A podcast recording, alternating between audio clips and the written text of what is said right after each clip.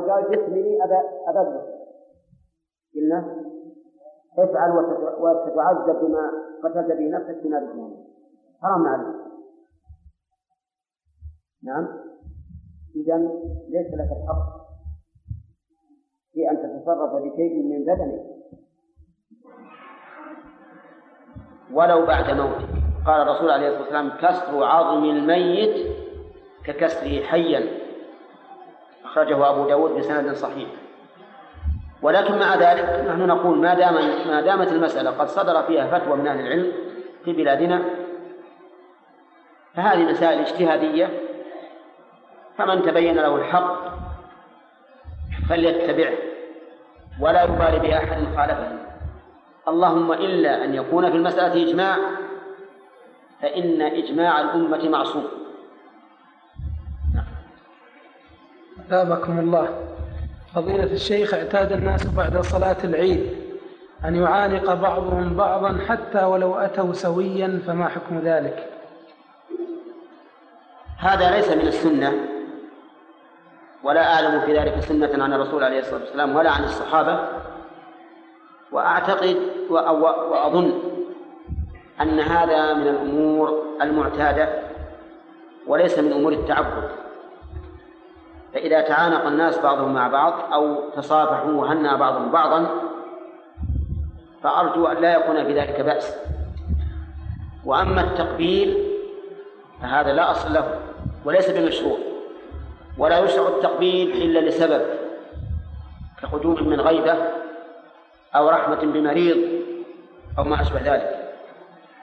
وأما بدون سبب فهذا ليس بمشروع ولهذا لا يشرع لك إذا كلما لقيت صاحبك قبلته هذا غير مشروع. نعم. وما حكم زيارة المقابر يوم العيد؟ وما حكم المعانقة داخل المقبرة؟ وما حكم داخل المقبرة يعني عند الدفن. عند, عند الدفن. نعم. وما حكم قول أقامها الله وأدامها ما دامت السماوات والأرض بعد الإقامة؟ زيارة المقابر في يوم العيد لا أصل له أبدا وليس بمشروع.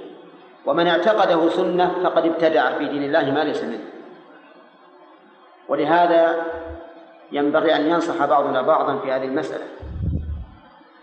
وإذا رأينا من يخرج إلى المقابر يوم العيد قلنا له يا أخي هذا ليس بمشروع ولا تفعل. لأنك إذا فعلت ذلك اعتقد الناس أنه أنه سنة وليس بسنة. والعادات في العبادات غير مقبولة مرفوضة. يعني العادات فيما يقصد به التعبد مرفوضة حتى يثبت أنه عبادة. وزيارة القبور من العبادات ولا من العادات المحضة؟ آه من العبادات. لأن الرسول عليه الصلاة والسلام أمر بها. فإذا كانت من العبادات فلننظر هل كان من عاد هل كان من هدي النبي صلى الله عليه وسلم أنه إذا كان يوم العيد خرج إلى المقابر يزورها. لا ولا أمر به ولا أرشد الأمة إلى ذلك. كان الرسول عليه الصلاة والسلام يأمر بزيارة القبور ويخرج إليها يزورها حتى أحيانا يزورها في الليل. فهذه أنا أرجو منكم بارك الله فيكم أن لا لا تخرجوا للمقابر يوم العيد لزيارتها وأن ترشدوا من فعل ذلك وتقول هذا يا أخي ليس بالسنة. لا تتعب بدون فائدة. أو بما فيه ضرر عليه. وأما المعانقة بعد الدفن فهذه أيضا بدعة لا أصل لها ولا وجه لها إطلاقا. حتى إن في نفسي شيئا من المصافحة عند عند عند آه، التعزية. لأن الإنسان قد يكون جنبك ما راح تلاقيه أما لو لو لاقيت أخاك المؤمن صافح لكن أنت إلى جانبه ثم إذا دفن الميت ذهبت تصافحه ما ما لا لا أعلم لها أصلا. أما المعانقة والتقبيل فلا أصل لها إطلاقا. وينهى عنه واعلم أن التعزية تكون قبل الدفن وبعد الدفن. خلافا لمن قال إن خلافا لمن ظن من العوام أنها لا تكون إلا بعد الدفن. فالرسول عليه الصلاة والسلام عز ابنته قبل أن يموت طفلها. أرسلت إليه إحدى بنات إحدى بناته إلى النبي صلى الله عليه وسلم. تطلبه أن يحضر لأن طفلها كان ابنا أو بنتا كان في سياق الموت. فجاء الرسول إلى النبي صلى الله عليه وسلم يخبره بدعوة ابنه إلى إليه. فقال النبي عليه الصلاة والسلام للرسول شف ألفاظ التعزية العظيمة أحسن من اللي إحنا نقول. قال النبي عليه الصلاة والسلام للرسول مرها مرها فلتصبر ولتحتسب فإن لله ما أخذ وله ما أبقى وكل شيء عنده بأجل مسمى. الله أكبر. ما أعظم هذا هذا الكلام. فلتصبر تحبس نفسها عن التسخط. لا تشق الجيوب ولا تلطم الخدود ولا تنتف الشعوب ولا تتضجر ولتحتسب وش معنى تحتسب؟ يعني ترتقب الأجر من الله عز وجل. إنما يوفى الصابرون أجرهم بغير حساب شوف الكلمات. فإن لله ما أخذ وله ما أبقى صدق الرسول عليه الصلاة والسلام. الكون لمن؟ لله عز وجل. له ما أخذ وله ما أبقى. طيب. والمقادير التي تقع. تقع عفوا هكذا؟ مصادفة أجيب. لا. وكل شيء عنده بأجل مسمى. لا يتقدم ولا يتأخر. وأنا أذكر لكم قصتين. أخبرت بهما ممن أثق به تدل على ما دل عليه كتاب الله وسنة رسوله صلى الله عليه وسلم. حدثني رجل أحد الأئمة عندنا. ثقة ثقة ثقة. رحمة الله عليه. قال سافرنا إلى الحج على الإبل. ولما رجعنا من مكة مرضت أم واحد منا. يقول فنزلنا في الج... بين الجبال في الريع. تعرفون الريع؟ ها؟ بين جبلين يعني مجرى شعيب بين جبلين نزلنا في آخر الليل ونمنا ولما أصبح الصباح مشينا. هذا الرجل اشتغل بأمه يصلح الرحل لها. ومشى الناس. الرعان تخفي الإنسان. لما أصلح الرحل لأمه أركبها على البعير. وذهب يقود بها. أخطأ ضل الطريق. لأن الناس في الرعان يختفي الله ضل الطريق. فسلك طريقا يظنه الطريق الذي يوصل إلى أصحابه. سلكه مشى مشى حتى ارتفعت الشمس. ما وجد أصحابه. فإذا خباء صغير عنده ناس ساكنين بدو. من التعب نزل. هو وأمه. وسألهم عن الطريق. قالوا الطريق وراءك لكن استرح شوي أنت ويا المرأة اللي معك. يقول لما أنزلتها على الأرض قبض الله روحها. الله أكبر. من يتصور أن هذا الرجل يأتي من القصيم ولا تموت إلا أمه إلا في هذه الشعاب؟ لكن وما تدري نفس بأي أرض تموت.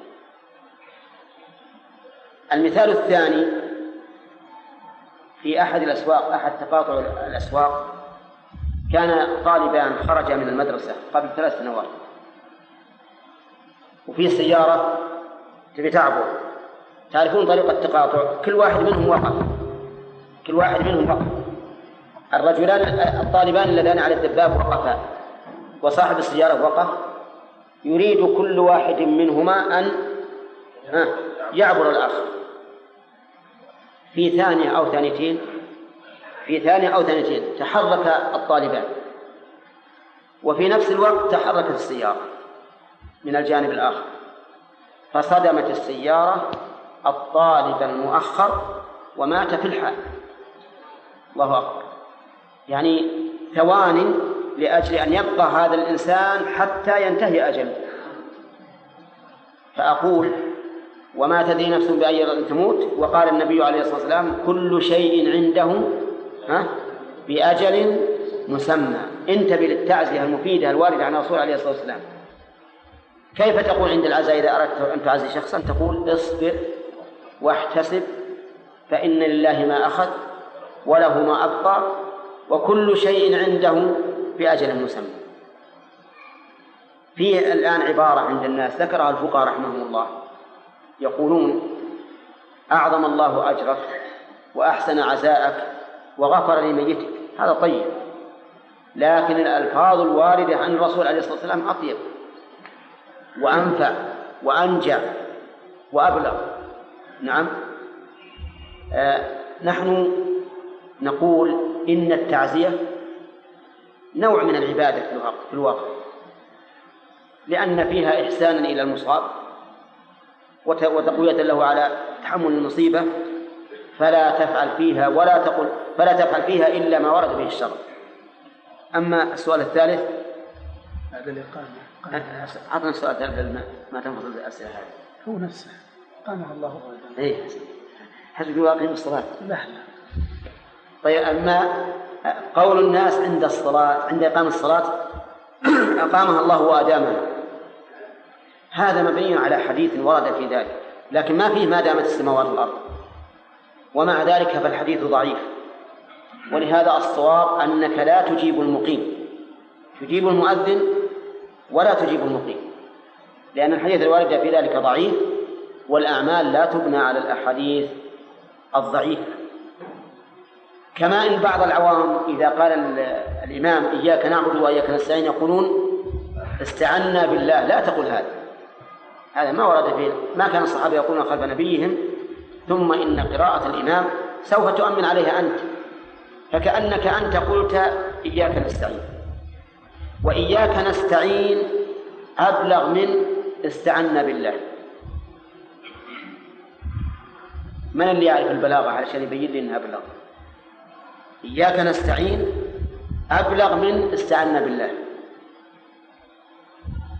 ليش؟ أبلغ من وجهين. أولا أن إياك نستعين فيها تقديم المعمول إياك. قال العلماء وتقديم المعمول يدل على إيش؟ على الحصر والاختصاص. كأنك قلت لا نستعين إلا إياك. الوجه الثاني كلمة استعنا بالله فعل ماضي. لكن نستعين فعل مضارع يدل على الاستمرار. والإنسان مستعين بالله دائما وأبدا. فلهذا لا حاجة أن تقول استعنا بالله.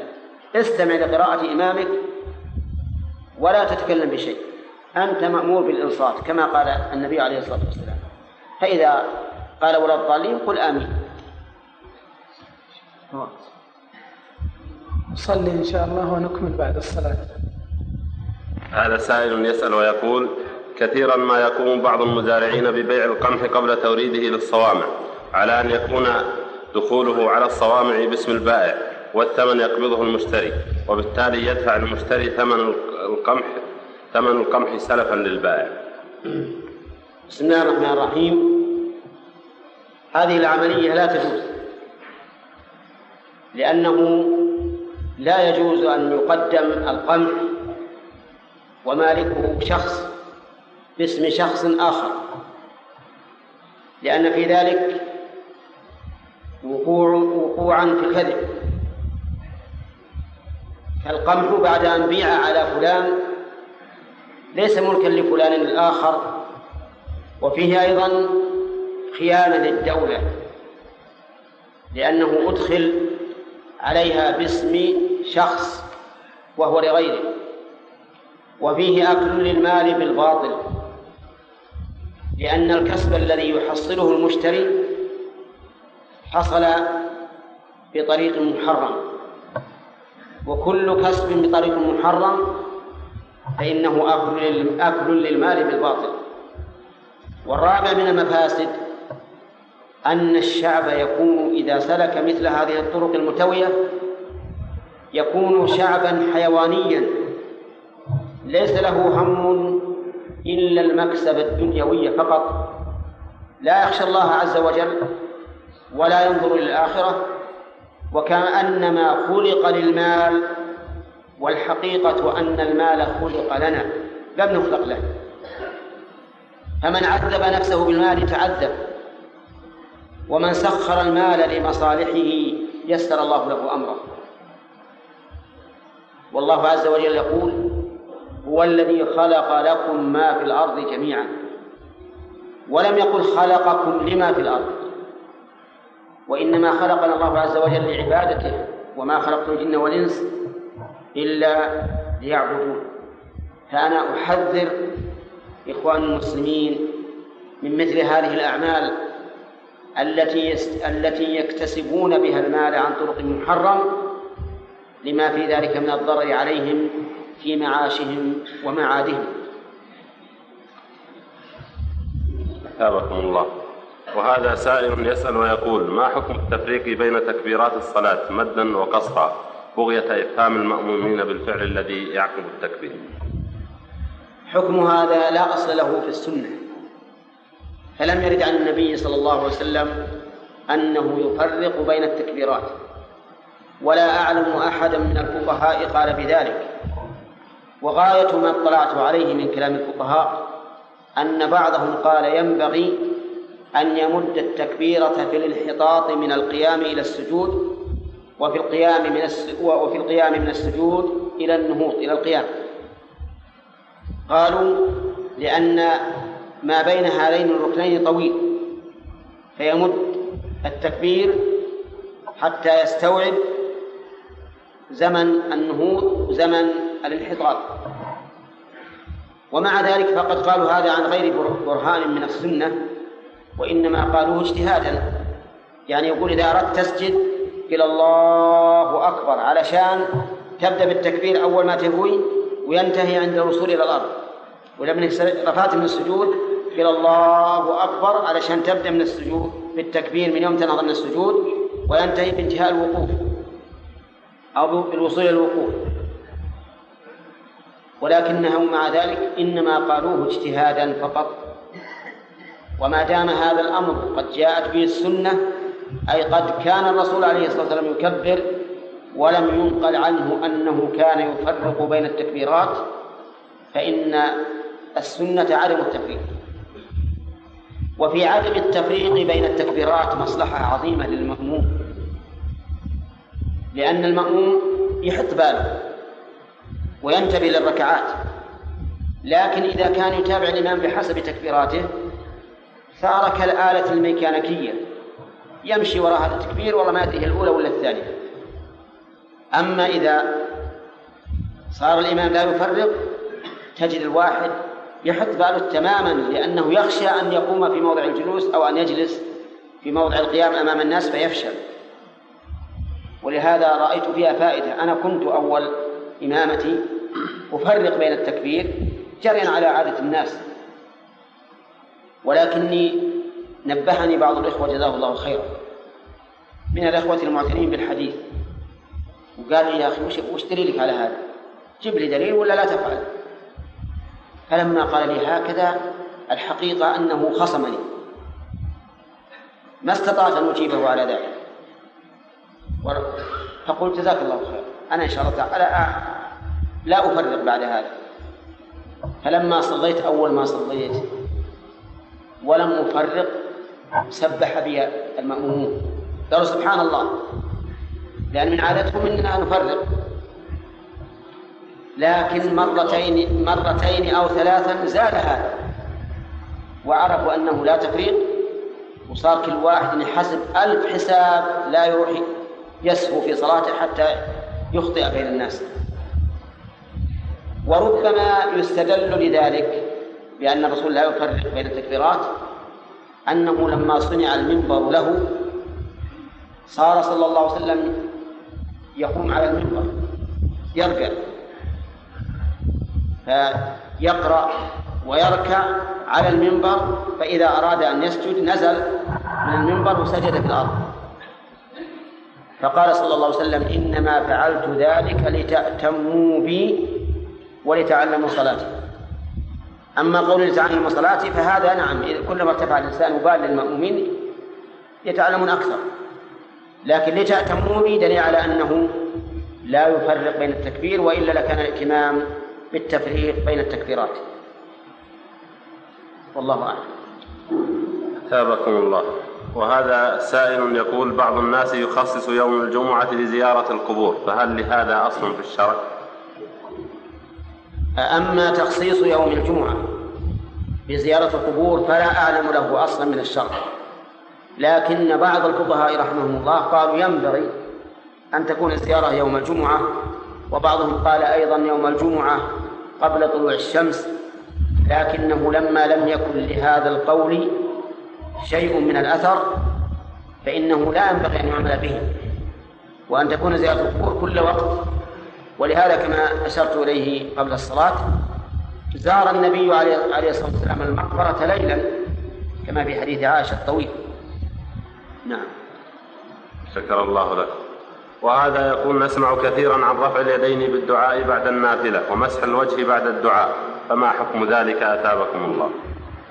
أما مسح الوجه باليدين بعد الدعاء سواء كان بعد النافلة أو في مكان آخر فهذا وردت فيه أحاديث.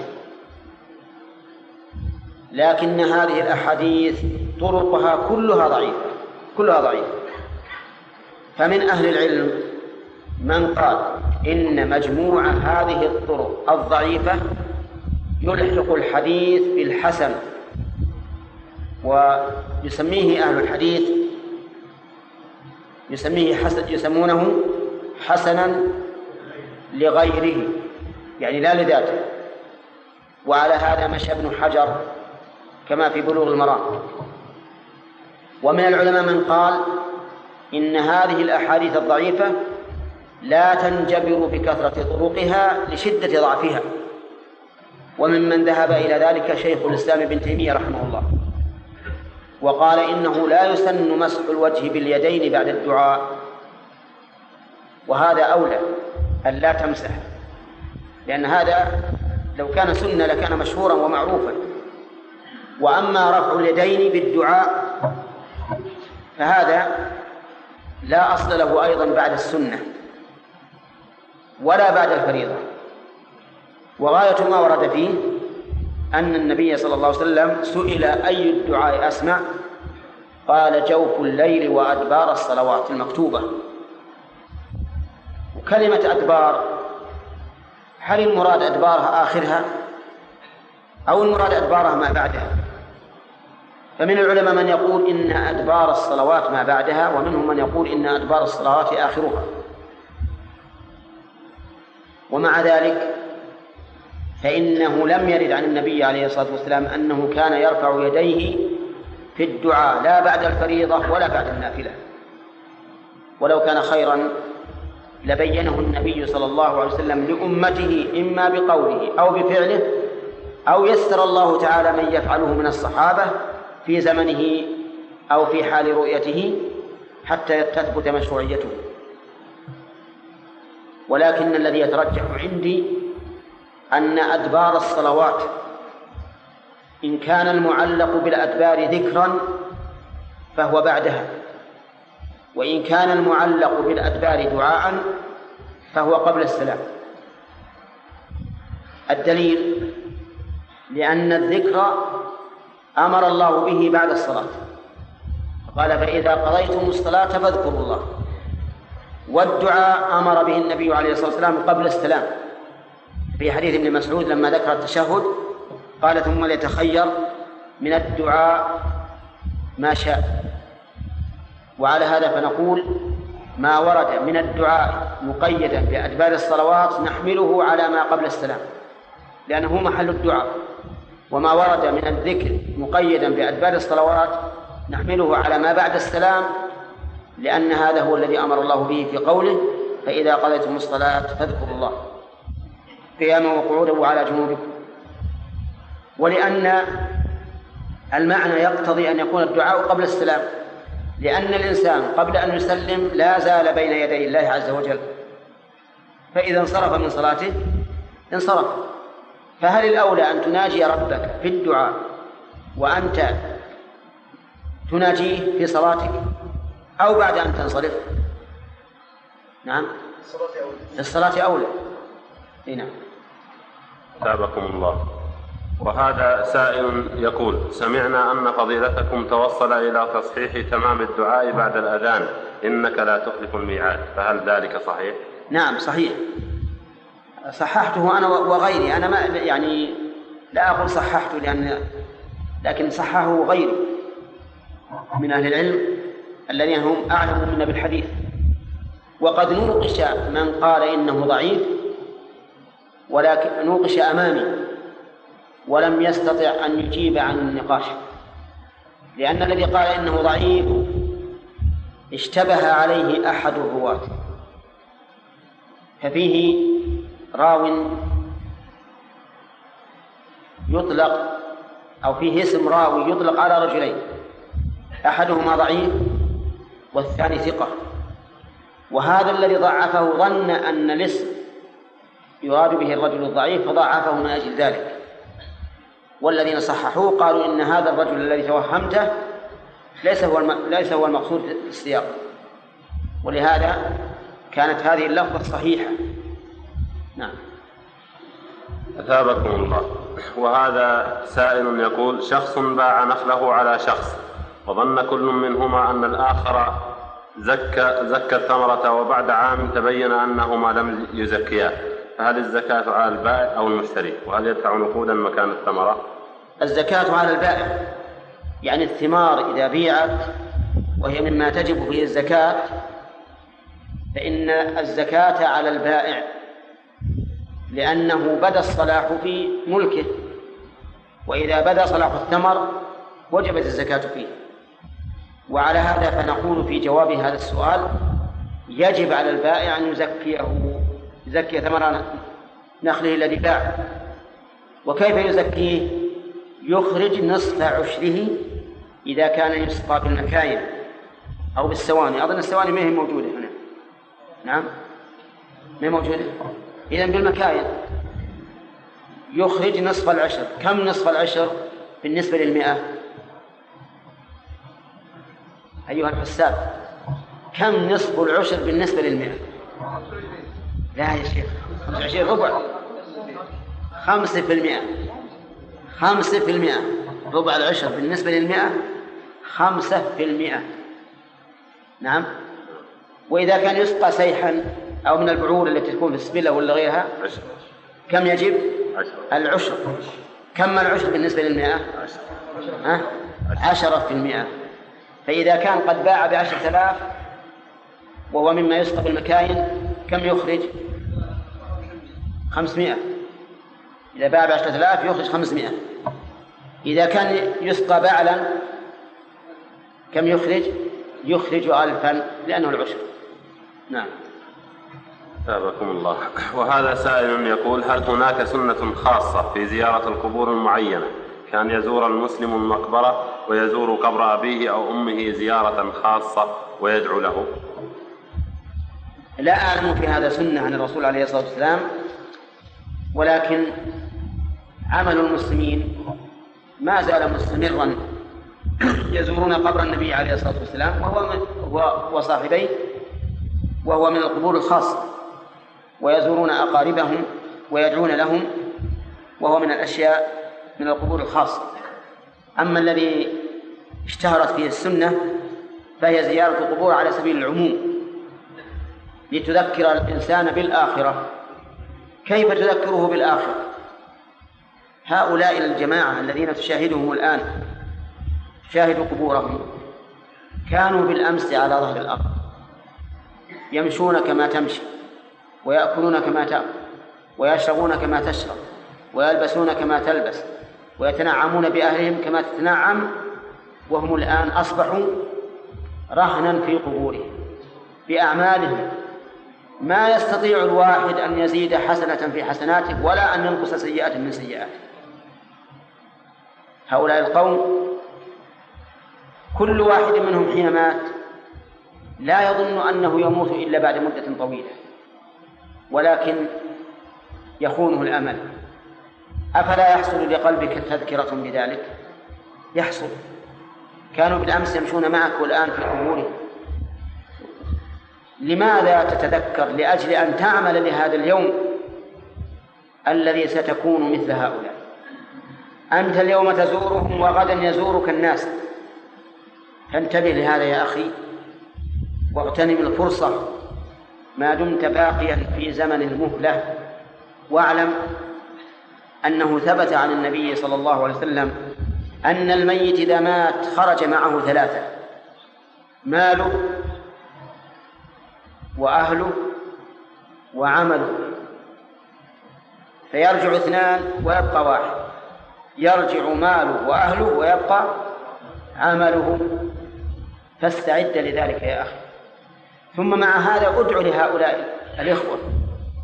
السلام عليكم دار قوم مؤمنين. وإنا إن شاء الله بكم لاحقون. يرحم الله المستقدمين منا ومنكم والمستأخرين. نسأل الله لنا ولكم العافية. اللهم لا تحرمنا أجرهم ولا تفتنا بعدهم واغفر لنا ولهم. أثابكم الله. وهذا سائل يقول هل نزل شيء من القرآن بغير واسطة جبريل عليه السلام؟ وما الموقف من الحديث الصحيح الذي معناه أن جبريل عند الرسول صلى الله عليه وسلم فرأى بابا في السماء انفتح فنزل منه ملك بأم الكتاب وخواتيم البقرة.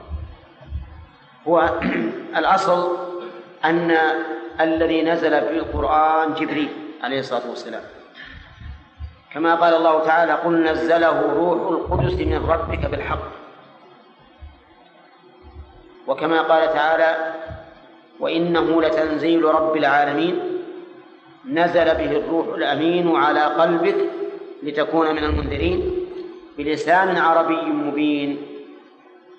فإذا وردت أحاديث صحيحة أن بعض الآيات نزل بها غير جبريل فإنها تكون مخصصة لهذا العموم. وتخصيص العمومات من الكتاب والسنة أمر وارد كما يعرفه من تتبعه. وإلا فالأصل أن جبريل عليه الصلاة والسلام هو الذي نزل به على قلب النبي صلى الله عليه وسلم. قل من كان عدوا لجبريل فإنه نزله على قلبك بإذن الله. نعم. الله. وهذا سائل يسأل ويقول كثير من الشباب يتساهل في حلق اللحية أو بعضها وتطويل الثياب فما توجيهكم لأولئك لكي يقلعوا عن هذه المخالفة التي ابتلي بها كثير من المسلمين؟ هداهم الله. الحمد لله أن السائل لم يقل أكثر الشباب وإنما قال؟ كثير. كثير من الشباب. وفرق بين كثير وأكثر. وأنا معه في هذا. أن أكثر الشباب ولله الحمد ملتزم في أخلاقه وفي عباداته وفي عاداته أيضا.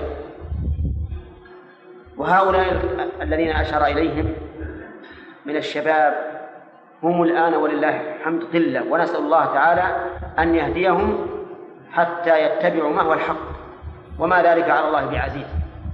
والإنسان إذا نظر إلى أين يذهب؟ إذا خالف طريق النبي عليه الصلاة والسلام وما أرشد إليه فإلى أين يذهب؟ إلى طريق المغضوب عليهم الضالين سبحان الله. حلق اللحية من أعمال من؟ المشركين والمجوس. إعفاء اللحية من هدي من؟ المرسلين والصديقين والشهداء والصالحين. كان النبي عليه الصلاة والسلام عظيم اللحية كث اللحية. قد ملأت من هذا إلى هذا نحره عليه الصلاة والسلام. وقال هارون لأخيه موسى يا ابن أم لا تأخذ بلحيتي ولا برأسي لا تأخذ بلحية. إذا له لحية ولا لا؟ نعم. وأخبر النبي عليه الصلاة والسلام أن اللحية من الفطرة التي فطر الله الخلق عليها. إذن فاللحية فطرة. اللحية سبيل الذين أنعم الله عليهم من النبيين والصديقين والشهداء والصالحين.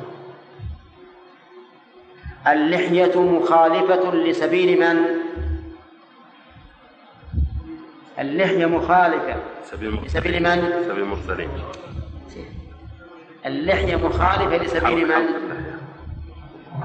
اللحية مخالفة لسبيل من؟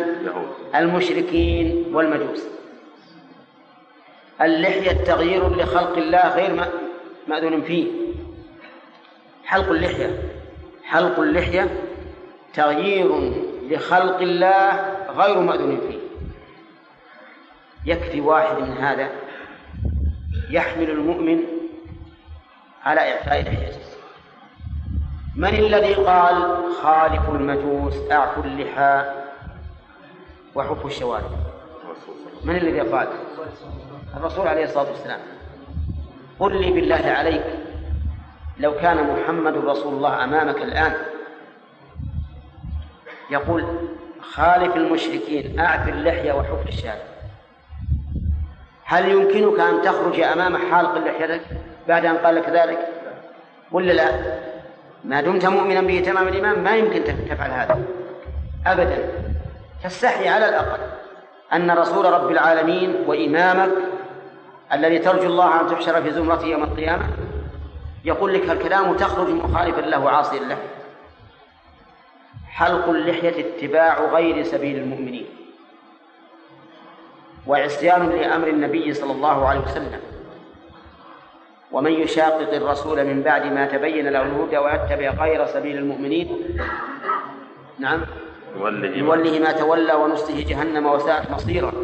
وهذه الآية وإن كانت نزلت في المشاقة التامة التي تؤدي إلى الكفر لكن كل من خالف الرسول في أمر فله نصيب مما يستحقه من هذه الآية الكريمة. ولست أنا ولست أريد أن أطبق هذه الآية على حلق اللحية. لا تذهبوا غدا تقولون ابن عثيمين يقول حلق اللحية يصلى جهنم. لكني أقول أي إنسان يخالف الرسول ويتبع رسول المؤمنين فله من هذه الآية نصيب. والله عز وجل أحكم الحاكمين يجازي كل إنسان بما يستحق. ثم إن حالق اللحية يمشي بين المؤمنين. يقول للناس اشهدوا على أنني عاص للرسول. نعم. أقول حالق اللحية يمشي بين الناس يقول اشهدوا أني عاص للرسول. قد تقول لي أنا دائما يمر بي ناس حاطين الحاهم وهم يقولون اشهد أني عاص صح ولا لا؟ ولكن هذا إشهاد بالفعل هم يشهدونني على أنفسهم بماذا؟ ها؟ بفعلهم صحيح ما يقولون إن عاصي لكن فعلهم هذا معناه شهادة أنهم مخالفون للرسول عليه الصلاة والسلام نعم الشهادة بالفعل ممكنة ولا لا؟ الشهادة تكون بالفعل وتكون بالقول قال الله تعالى والله يشهد إنك لرسول والله يشهد إنك لرسول هذا قول ولا فعل؟ ها؟ هذا قول لكن الله يشهد بما أنزل إليك أنزله بعلم هذا قول أيضا لكن تأييد الله للرسول عليه الصلاة والسلام وإظهار دينه على الأديان كلها شهادة بماذا؟ ها؟ بالفعل شهادة بالفعل شهد الله أن رسوله حق ودينه حق لأن الله أظهره. طيب يقال قد تكون الشهادة بالفعل في التأييد وقد تكون الشهادة بالفعل في التنديد والإبطال. ذكر بعض المؤرخين أن مسيلمة الكذاب الذي ادعى النبوة في آخر حياة الرسول عليه الصلاة والسلام يقول أنه رسول الله. جاءه قوم من أتباعه يقال له كذبا وزورا يا رسول الله هذا الصبي عندنا رأسه بعضه محلوق بعضه ما فيه الشعر وبعضه فيه الشعر. امسح عليه لعل الله أن ينبت شعر رأسه كله. فمسح على رأسه نعم فسقط الشعر الموجود. هذه شهادة بإيش؟ بالتأييد ولا بالتنديد؟ ها؟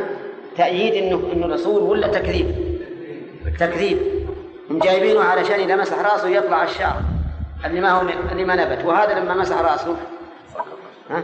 سقط الموجود أي نعم وفي أيضا قصة أخرى يقولون إنه جاءه صاحب بئر وقال له إن بئري قد نقص ماؤه وكان قد سمع أن الرسول عليه الصلاة والسلام جاءوه في صلح الحديبيه وقالوا إن البئر ناقصة فأخذ ماء فتمضمض به فمجه في البئر فصعد الماء. آية آية الرسول عليه الصلاة والسلام تأييد. مسيلمة الكذاب قالوا أنا أتيك. فجاء إليه فأخذ ماء فتمضمض به ومجه في البئر التي فيها ماء قليل. ولما مجه في البئر غار الماء نعم كرامة ولا إهانة؟ إهانة إهانة وتكذيب هذه شهادة وش نسويها بالفعل ولا بالقول؟ شهد الله بأنه كاذب بماذا؟ بالفعل يعني أن الله قدر شيئا يدل على كذبه أقول إن حالق اللحية إذا مر بنا وقد حلق لحيته فإنه يشهدنا بفعله على إيش؟ على أنه عاص للرسول عليه الصلاة والسلام نسأل الله لنا وله الهداية آمين. ثم ماذا ماذا يستفيد من حلق لحيته؟ ينكس ولد؟ نعم. ولا يبقى على شيخوخته؟ عجيب يا إخوان. يبقى لو كان الإنسان إذا حلق لحيته ورجع شابا لكان قول الشاعر ألا ليت الشباب يعود يوما فأخبره بما فعل المشيب. ممكنا ولا غير ممكن؟ لكان ممكن لأن يقول كل واحد اللي في احلق لحيتك وتصير شاب. وهذا لا يمكن. ولكنه يستفيد من ذلك مخالفه طريق الرسل وموافقه طريق المشركين والمجوس. ثم إنه لا يأخذني العجب يا إخواني أن يأتي أن يظهر قوم على دينهم وعلى عاداتهم بما يسمى الخنافس والحمد لله أن الدور حتى الخنافس الحقيقية ما هي موجودة في الدور الآن. لكن هؤلاء وجدوا بيننا. الخنافس. يخلي الإنسان رأسه وخلي عوارضه. أو والله ما أدري كله ولا بعض ما يخلي العوارض. والباقي يحلقه خرجوا عن إيش؟ عن عادات الناس وعن السنة. ولم يبالوا بذلك مع أنهم قلة.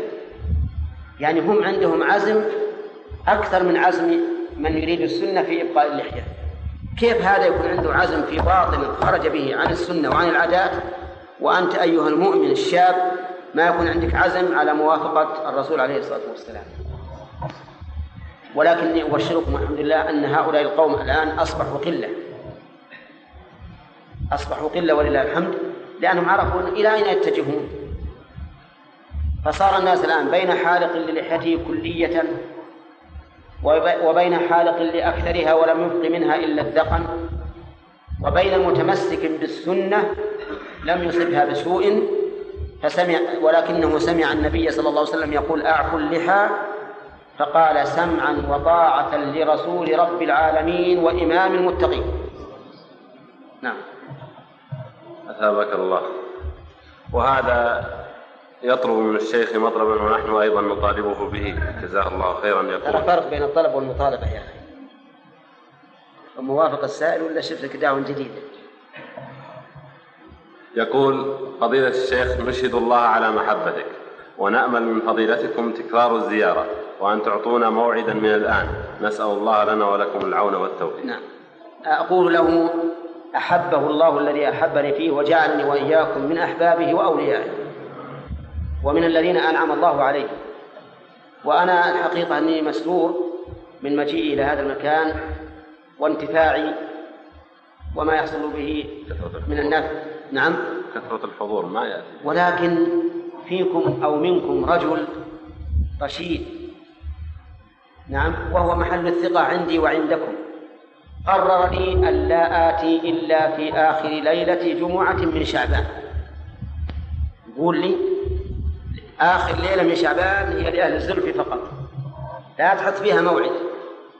فأجبته إلى ذلك راضيا ومسلما. وأرجو أن يكون هذا إن شاء الله محل موافقة منكم. نعم. لا نريد قبلها السلام عليكم ورحمة الله. مرتين. نعم. نريد قبلها مرتين. هذا كتاب طيب. بشيء هذا طلب جديد يا شيخ. طيب نشوف هذا هذا سائل يقول الله يحيينا ويكون حال طيبة. نعم. ورد في الحديث أن الشمس تسجد عند العرش وتستأذن. تحت تحت عنده تسجد تحت العرش وتستأذن علما أن المشا... المشاهد الآن أنها لا... علما أن المشاهد الآن أنها لا تغيب عن عن الأرض حين تغيب عن جزء وتظهر على جزء. وهذا يجرنا للسؤال عن كسوفها وخسوف القمر ما سبق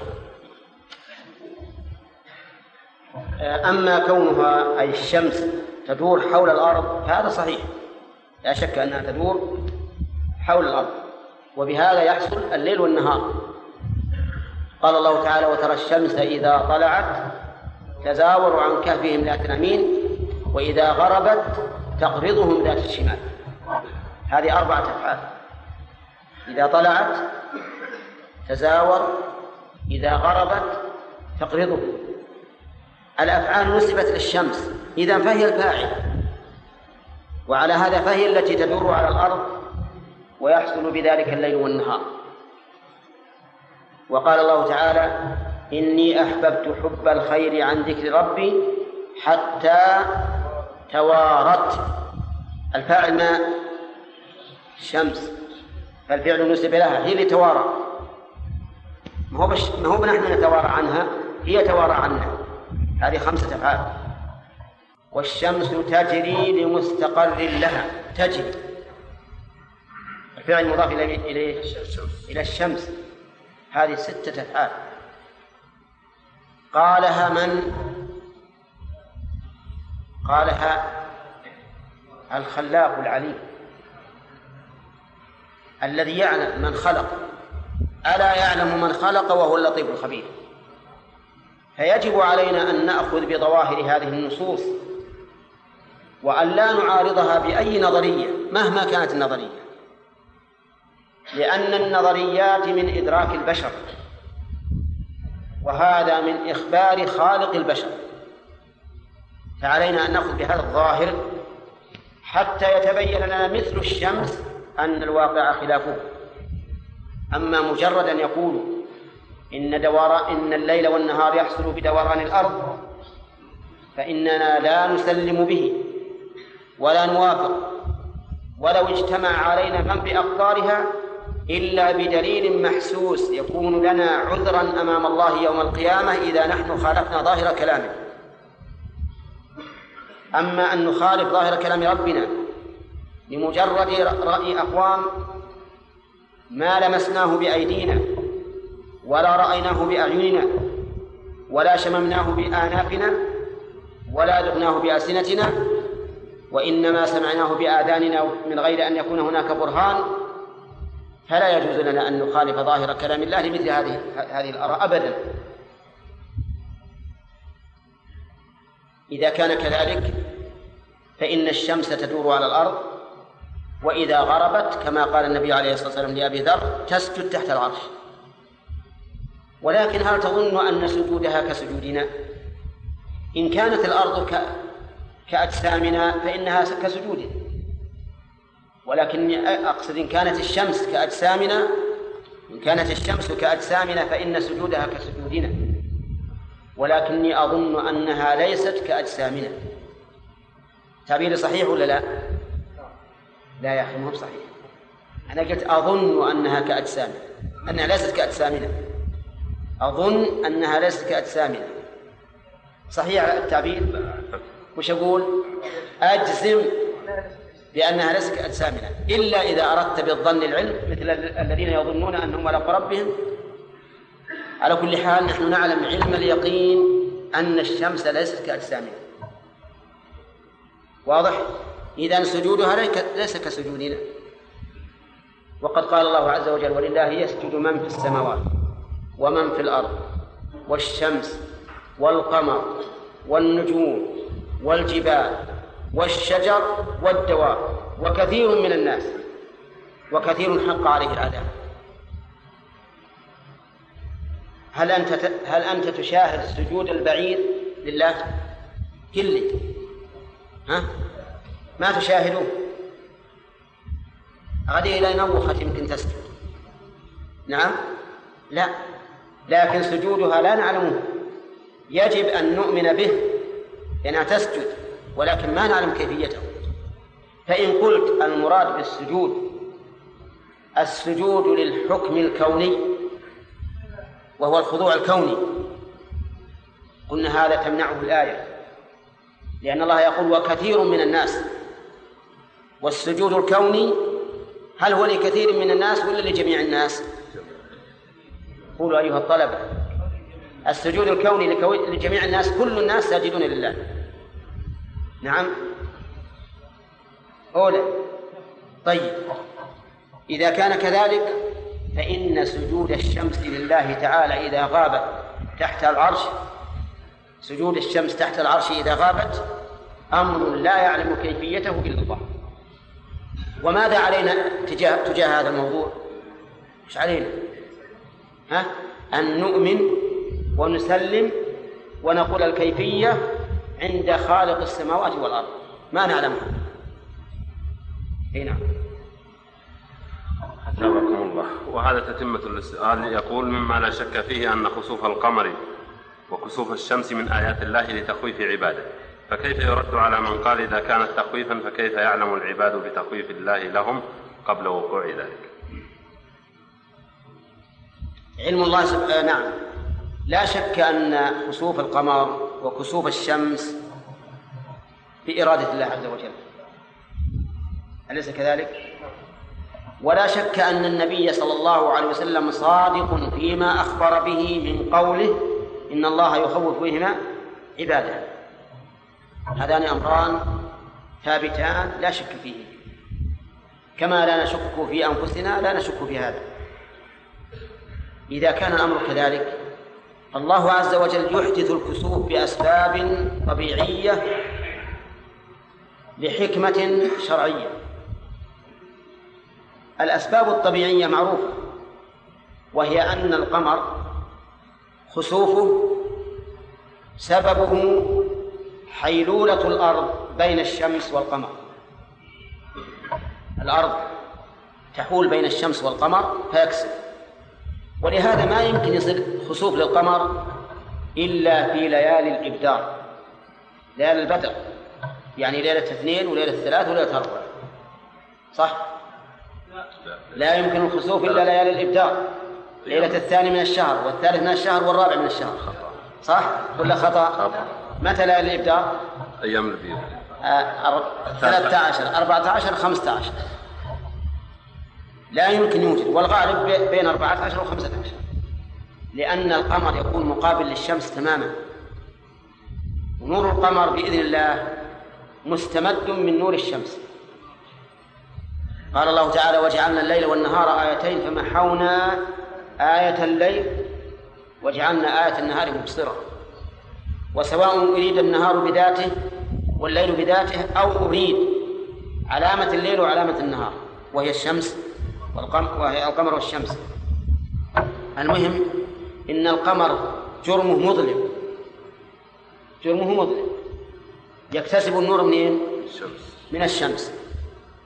فإذا كان مقابلا لها وجاءت الأرض حالت بينه وبين الشمس حصل الكسوف ولهذا لو تأملت الكسوف ما يمكن يجي من الجهة التي تلي الشمس أبدا. إنما يأتي من الأسفل أو من اليمين أو من الشمال. بخلاف الهلال ليلة الواحد والاثنين والثلاثة يكون نوره من جهة من جهة الشمس. أما هذا فإنه لا يكون إذا كان كليا يمكن يأتي من كل الجهات. لكن جزئيا في الغالب ما يكون من الجهة التي تلي الشمس. على كل حال هذا معلوم. كسوف الشمس من يأتي؟ السبب الطبيعي له أن القمر يحول بين الشمس وبين الأرض.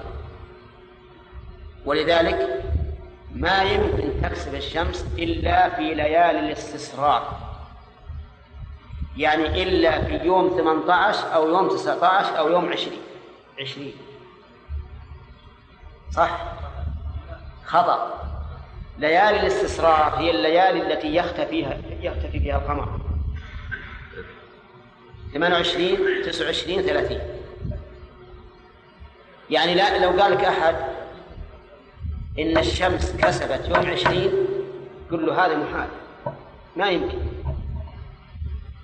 ما يمكن إلا في 28 29 30 ولذلك الذين قالوا من المؤرخين إن موت إبراهيم ابن النبي صلى الله عليه وسلم كان في العاشر من ربيع الأول قولهم هذا خطأ بلا شك مئة بالمئة. وإنما كان موت إبراهيم يوم تسع وعشرين من شوال السنة العاشرة من الهجرة يوم تسع وعشرين هو من ليالي الاستسرار ولا لا؟ ها؟ من ليالي الاستسرار لأن القمر بإذن الله يحول بين الشمس وبين الأرض أيهن أعلى القمر ولا الشمس؟ ها؟ تأكدين؟ أي نعم الشمس أعلى فإذا جاء القمر في آخر الشهر يباري الشمس. إذا أراد الله عز وجل الكسوف صار القمر مثلا إذا قدرنا هذه الأرض صار القمر هكذا بين الشمس وبين الأرض. فحجب نور الشمس. من الذي يستطيع أن يجعل الأرض في مدار أو في مكان على الأصح في مكان تحول بين ضوء الشمس وبين القمر من يستطيع؟ ما حد يستطيع. وكذلك العكس. إذا فالخسوف آية من آيات الله أي علامة على قدرته عز وجل. وأما كونه تخويفا فظاهر فإن اختلاف مسار الشمس والقمر حتى يحصل ذلك لا شك أنه تخويف وإنذار. وليس هو عذاب نفسه مو عذاب نفسه. لكنه منذر بعذاب انعقدت أسبابه. ولهذا أمرنا رسول الله صلى الله عليه وسلم أن نفزع إلى ذكر الله ودعائه واستغفاره والصلاة والصدقة والعتق. كل هذا أمرنا به الرسول وهذه الأمور من أسباب دفع البلاء. فإذا فعلنا ذلك اندفع البلاء الذي انعقدت أسبابه وصار الكسوف علامة شو عليه؟ على هذا البلاء وهذا العذاب. والله عز وجل إذا رجع عباده إليه وفزعوا إليه فهو أرحم الراحمين. يرفع عنهم البلاء والعذاب. ولهذا أنا أميل إلى القول بوجوب صلاة الكسوف. وأنا لست من السنن بل من الواجبات لأن الرسول صلى الله عليه وسلم خرج فزعا. حتى إنه لحق بردائه. ترك رداءه عليه الصلاة والسلام. خرج بالإزار فقط من شدة فزعه. حتى لحق بردائه ولبسه أو ألبس إياه حتى جعل يجره صلى الله عليه وسلم. وفزع. وفي هذا المقام العظيم عرضت عليه الجنة والنار. حتى تقدم إلى الجنة ليأخذ عنقودا منها. قال فلو أخذت لبقي فيكم ما بقي الدهر. أو هذا الحديث أو معناه. وتأخر لأنه عرضت عليه النار فخاف من لفحها. ورأى في النار امرأة تعذب في هرة حبستها. هرة يعني وش الهرة؟ ما هي الهرة يا إخوان؟ القطة القطة وما هي القطة؟ نفس الأشياء. يقولون الناس يعني فائدة لغوية. يقول الناس بس. ها؟ قال في القاموس الصواب بس. بس. والعامة هذا كلام القاموس والعامة تكثره يعني يقولون بس. بس. والصواب في اللغة العربية بس. بس. لكن لا تحس فنجان شاي يصبرك تقول بس. طيب الآن نقول الرسول صلى الله عليه وسلم رأى المرأة التي تعذب بهذه الهرة ورأى عمرو بن لحي الخزاعي يجر أمعاءه في النار. وكان هذا الرجل والعياذ بالله أول من أدخل الشرك في العرب وأول من سيب السوائل. ورأى صاحب المحجن الذي يسرق الحجاج بمحجنه هذا رجل لص سارق معه محجان يعني عصا محنية الرأس. إذا مر إذا مر الحجاج إذا مر مع الحجاج دخل المحجان وجر المتاع. إن فطن له الحاج. قال والله هذا المحجان بلاني الله به. ما أدري يقول بلاني الله على كل حال يقول هذا المحجان هو اللي جر المتاع؟ غصبا عليه. وإن لم يفطن به الحاج ها؟ وش يسوي؟ أخذ المتاع وراح. رآه النبي عليه الصلاة والسلام يعذب في النار. على أخذه أمتعة الحجاج؟ وهذا يدل على عظم صلاة الكسوف. ولهذا لما فرغ النبي عليه الصلاة والسلام خطب خطبة عظيمة وقال فيها من جملة ما قال والله لو تعلمون ما أعلم لضحكتم قليلا ولبكيتم كثيرا. وأمر بالفزع إليها. ولهذا كانت هذه الصلاة صلاة غير مألوفة غير معتادة. لأن هذا الذي وقع السبب هذا غير مألوف ولا معتاد فصار من الحكمة أن تكون العبادة له أيضا غير إيش؟ غير معتادة هل في الصلوات صلاة مثل صلاة الكسوف؟ لا وهل في احتجاب الشمس عنا مثل احتجابها في الكسوف؟ لا إنما تغيب في الأفق وكذلك القمر كيف صلاة الكسوف؟ يكبر الإنسان ويقرأ الفاتحة وسورة طويلة طويلة طويلة بقدر سورة البقرة ثم يركع ركوعا طويلا جدا ثم يرفع ويقرأ الفاتحة وسورة طويلة طويلة لكن دون الأولى ثم يركع ويطيل الركوع ولكن دون الأول ثم يرفع ويدعو بما دعا به نحوا من ركوعه ثم يسجد ويطيل السجود نحو من ركوعه ثم يجلس بين الستين نحو سجوده ثم يسجد سجودا طويلا ثم يقوم للركعة الثانية ويفعل فيها كالركعة الأولى لكن دونها في كل ما يفعل وإذا فرغ فإنه يخطب الناس خطبة بليغة يعظهم فيها ويذكرهم كما فعل النبي صلى الله عليه وسلم ويقرأ فيها جهرا ولا سرا ها؟ ما صليت صلاة الكسوف جهرا. في الليل ولا في النهار؟ ها؟ ليلا ونهارا. حتى لو كان كسوف الشمس يقرأ جهرا. لماذا؟ لأن الناس مجتمعون. وكل صلاة يشرع فيها اجتماع أهل البلد جميعا يشرع فيها الجهر بالقراءة. أرأيتم صلاة الجمعة؟ يجهر فيها بالقراءة. صلاة العيد؟ يجهر فيها بالقراءة. صلاة الاستسقاء يجهر فيها بالقراءة صلاة الكسوف يجهر فيها بالقراءة لأن الأفضل أن يصلي الناس جميعا في الجوامع لا في كل مسجد. السنة كما قال أهل العلم أن تصلى صلاة الكسوف في المساجد الجوامع لأن اجتماع الناس مبتهلين إلى الله عز وجل متضرعين إليه أبلغ.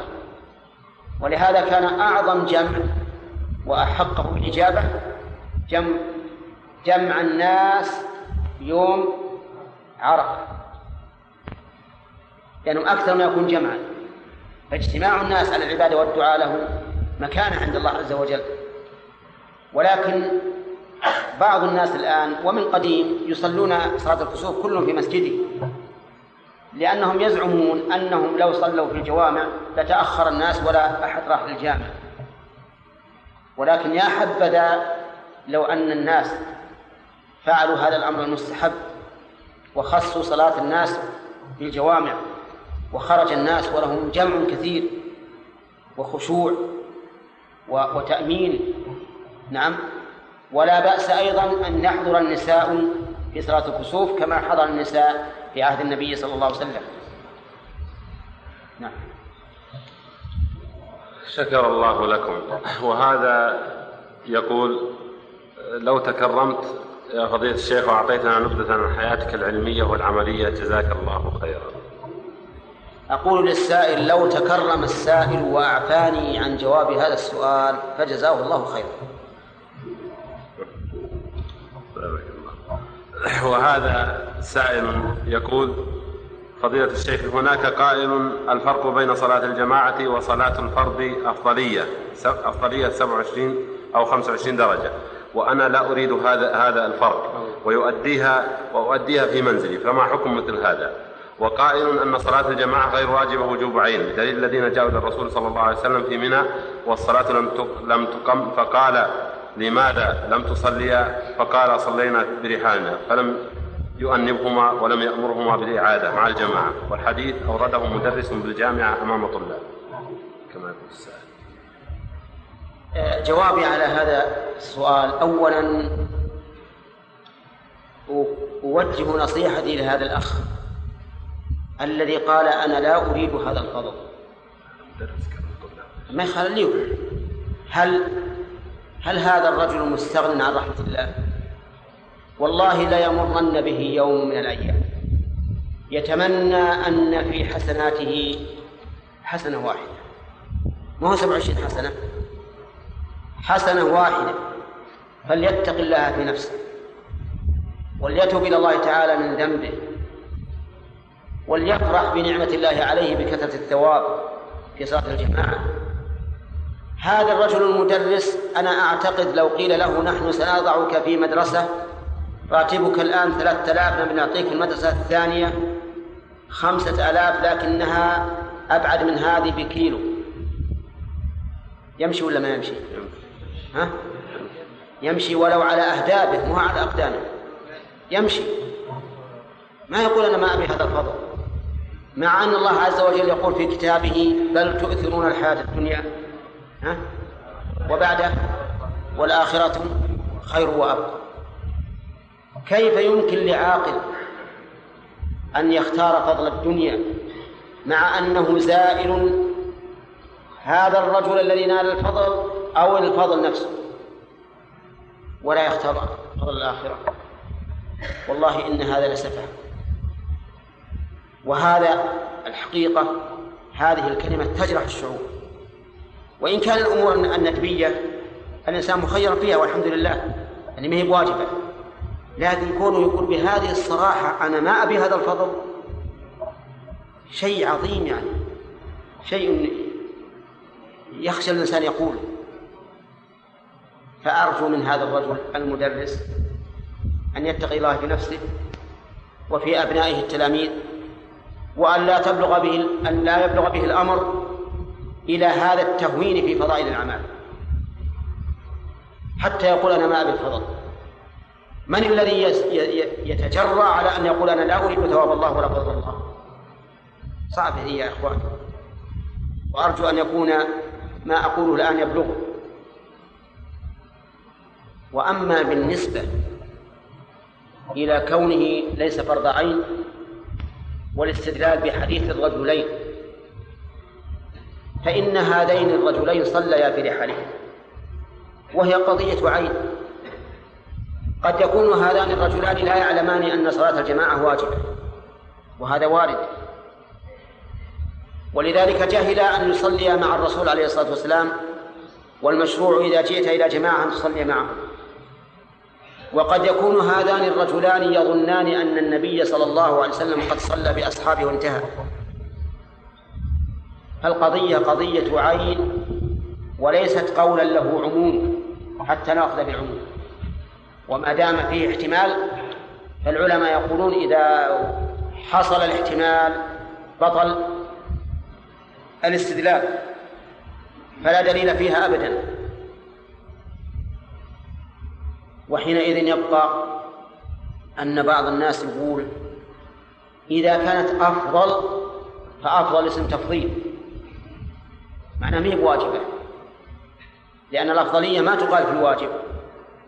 نقول لهؤلاء الإخوان بارك الله فيكم ورزقنا وإياكم الفهم الصحيح. قولكم إن الخيرية أو الأفضلية لا تكون في الواجب خطأ. الخيرية قد تكون في أوجب الواجبات. استمع إلى قول الله تعالى يا أيها الذين آمنوا هل أدلكم على تجارة تنجيكم من عذاب أليم؟ تؤمنون بالله ورسوله وتجاهدون في سبيل الله بأموالكم وأنفسكم. أقف لتكملوها أنتم. ها؟ ذلكم خير لكم. ما المشار إليه في الآية؟ الإيمان بالله والإيمان بالرسول. الجهاد في سبيل الله. بالمال والنفس. هل الإيمان بالله والرسول من الواجبات ولا من المستحبات؟ أوجب الواجبات. طيب هذا هذا في العقيدة. خذه في الأعمال. يا أيها الذين آمنوا إذا نودي للصلاة من يوم الجمعة فاسعوا إلى ذكر الله وذروا البيع. أكمل. ذلكم خير لكم إن كنتم تعلمون. هل يستطيع هذا الأخ أن يقول إن صلاة الجمعة غير واجبة لأن الله قال ذلكم خير لكم وخير اسم تفضيل؟ ولا ما يستطيع؟ هل يستطيع أن يقول إن الإيمان خير من الكفر وهو على سبيل التفضيل لا على سبيل الوجوب؟ الجواب؟ لا يستطيع. إذا فتفضيل عمل على عمل لا يدل على أن الفاضل ليس بواجب. وأما وجوب صلاة الجماعة فأدلتها من كتاب الله. وسنة رسول الله صلى الله عليه وسلم وعمل الصحابة رضي الله عنهم أمر معلوم. استمع إلى قول الله عز وجل وإذا كنت فيهم فأقمت لهم الصلاة. فلتقم طائفة منهم معك وليأخذوا أسلحتهم؟ فإذا سجدوا فليكونوا من ورائكم ولتأتي طائفة أخرى لم يصلوا فليصلوا معك وليأخذوا حذرهم وأسلحتهم. الأمر بالصلاة هنا في حال الأمن والاستقرار والطمأنينة صحيح؟ ها؟ الأمر هنا في حال إيش؟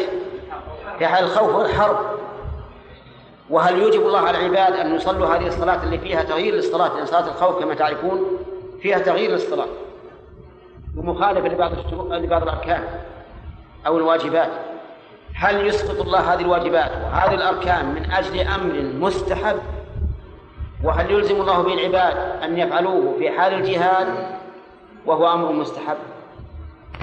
ها؟ لا. وفي قوله فإذا سجدوا فليكونوا من ورائكم ولتأتي طائفة أخرى لم يصلوا فيها إبطال لقول من يقول إن صلاة الجماعة فرض كفاية. لأنها لو كانت فرض كفاية لاكتفي بالطائفة الأولى. فهي إذن فرض فرض عين واستمع إلى السنة. قال النبي عليه الصلاة والسلام من سمع النداء فلم يجب فلا صلاة له إلا من عذر. واستأذنه رجل في ترك صلاة الجماعة فقال هل تسمع النداء؟ قال نعم. قال فأجب. وكان رجل أعمى. وقال فيما صح عنه لقد هممت أن آمر بالصلاة فتقام. ثم آمر رجلا فيصلي بالناس.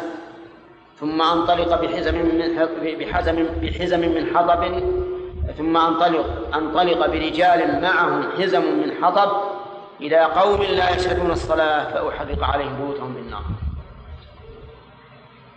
القائل هذا وهو بالمؤمنين رؤوف رحيم هل يمكن أن يشاء الإنسان فعله وإن شاء تركه؟ ها؟ لا لكن قد تقول الرسول قال هممت ولم يفعل. هممت ولم يفعل. فالهم شيء؟ والفعل شيء آخر. نقول طيب هل قالها الرسول عليه الصلاة والسلام على سبيل التحذير؟ ولا قالها على سبيل الترغيب في الصلاة فقط؟ ومن لم يصلي فإنه لا يهم بإحراقه لا شك أنه قال على سبيل التحذير. إذ مثل هذا القول ما يمكن يقال على أمر مخير فيه. وأما الصحابة فاستمع إلى قول ابن عم مسعود رضي الله عنه فيما صح عنه في مسلم.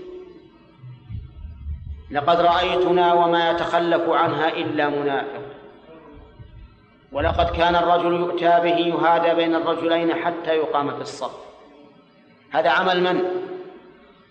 الصحابة كتاب الله وسنة رسوله وعمل الصحابة. ومثل هذا التفتير عن صلاة الجماعة أو التزهيد في ثواب الآخرة هو الذي جعلنا نتأخر إلى الوراء وجعل أصحاب رسول الله صلى الله عليه وسلم يتقدمون إلى الأمام ويملك ويملك ويملكون بدينهم مشارق الأرض ومغاربها. وإنني لأرجو الله سبحانه وتعالى أن يعفو عن هذا هذا الأستاذ ما ما قام به وما حدث به أبناءه وإني لأوجه رجائي له أن يعود مرة أخرى وأن يكون عالما ربانيا مربيا قبل أن يكون معلما. لأنه ليس ليس قيادة الأمة بالعلم فقط بل بالعلم بعد وبالتربية. الرسول صلى الله عليه وسلم ربى أولئك القوم بأخلاقه وبأعماله وبتوجيهاته الرشيدة ما أمر بأمر إلا كان أول الفاعل له ولا نهى عن شيء عن شيء إلا كان أبعد الناس عنه. وهكذا يجب على العلماء إذا أرادوا أن يكونوا حقا ورثة الأنبياء فليربوا الناس بما علمهم الله حتى يكونوا من الهداة المهتدين. وأظن أن الليل قد سرى أيها الأحبة في الله في ختام هذه المحاضرة لا يسعنا إلا أن نتقدم بالشكر لفضيلة الشيخ على تكبده السفر لإفادتنا بهذه التوجيهات الطيبة. ونسأل الله سبحانه وتعالى أن يجعل ذلك في موازين أعماله يوم يلقاه. كما نكرر شكرا نطلب منه جزاه الله خيرا أن لا يطول بزيارتنا. فيزورنا كل حين ما يجعلها زيارة يعني لا إن شاء الله قليلة. إن شاء الله نحرص على ما و...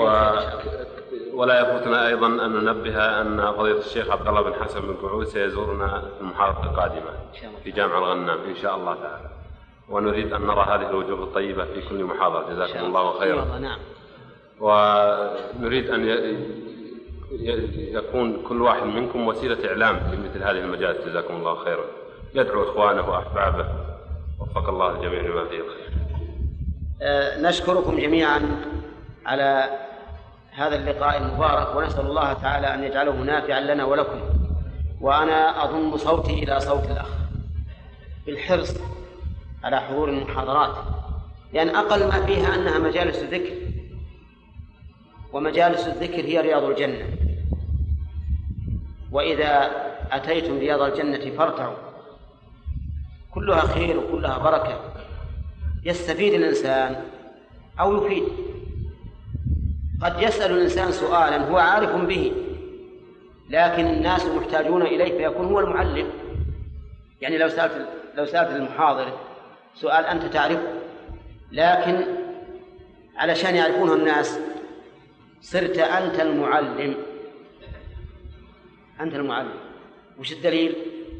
الدليل حديث عمر بن الخطاب رضي الله عنه لما جاء جبريل إلى النبي صلى الله عليه وسلم وسأله عن الإسلام والإيمان والإحسان والساعة وأماراتها قال يا عمر أتدري من السائل؟ قالوا الله ورسوله أعلم.